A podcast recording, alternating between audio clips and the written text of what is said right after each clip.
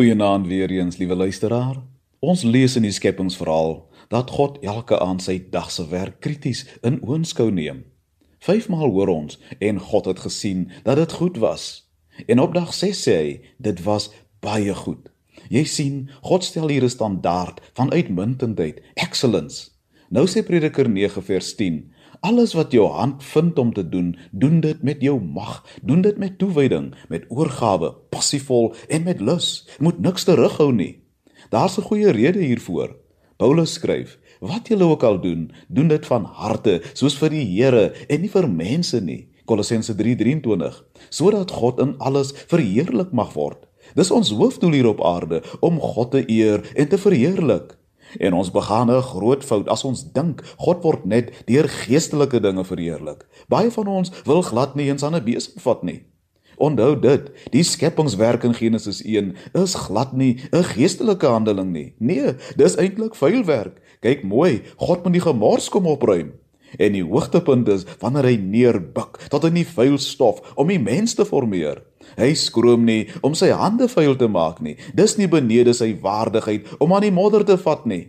Dis daarom nie vreemd dat Jesus in die Nuwe Testament aan melaatses vat nie. Hy het immers altyd in sy skepping reeds aan ons geraak, nog lank voor ons mens geword het. En in die Nuwe Testament is dit juis sy aanraking wat ons menswees herstel.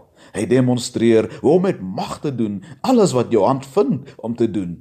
Nou sê Deuteronomium 28 vers 8: Die Here sal die seën oor jou gebied in alles waar jy jou hand aanslaan. Luisteraars, daar's 'n magtige goddelike aanraking in gewillige helpende hande. 'n Sendeling vertel my hoe hy een wintersaand na iemand in 'n krotbuurt soek. Iewers dop hy sommer by 'n sinkkaja in waar iemand besig is om 'n sterwende vrou 'n koppie flou swart tee in te gee.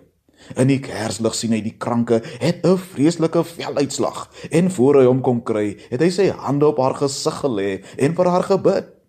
'n Paar aande later besoek hy uit nuuskierigheid dieselfde sinkhuisie. Hy tref twee vreemde vroue buite langs 'n vuur aan en verneem angstig waar die vrou is op wie hy 'n paar nagte gelede sy hande gelê het. Tot sy verbasing antwoord een van die vroue: "Dis ek, meneer, die krag van 'n goddelike aanraking." Nou skryf Don Gossett If nobody reaches, nobody gets touched. Wil jy nie ook jou hande begin gebruik om ander aan te raak en sodoende hul noodhelp verlig nie? Kom ons bid nou saam. Here, mag ons dit wat ons hande ook al vind om te doen, met oorgawe doen, sodat U verheerlik mag word in Jesus naam. Amen.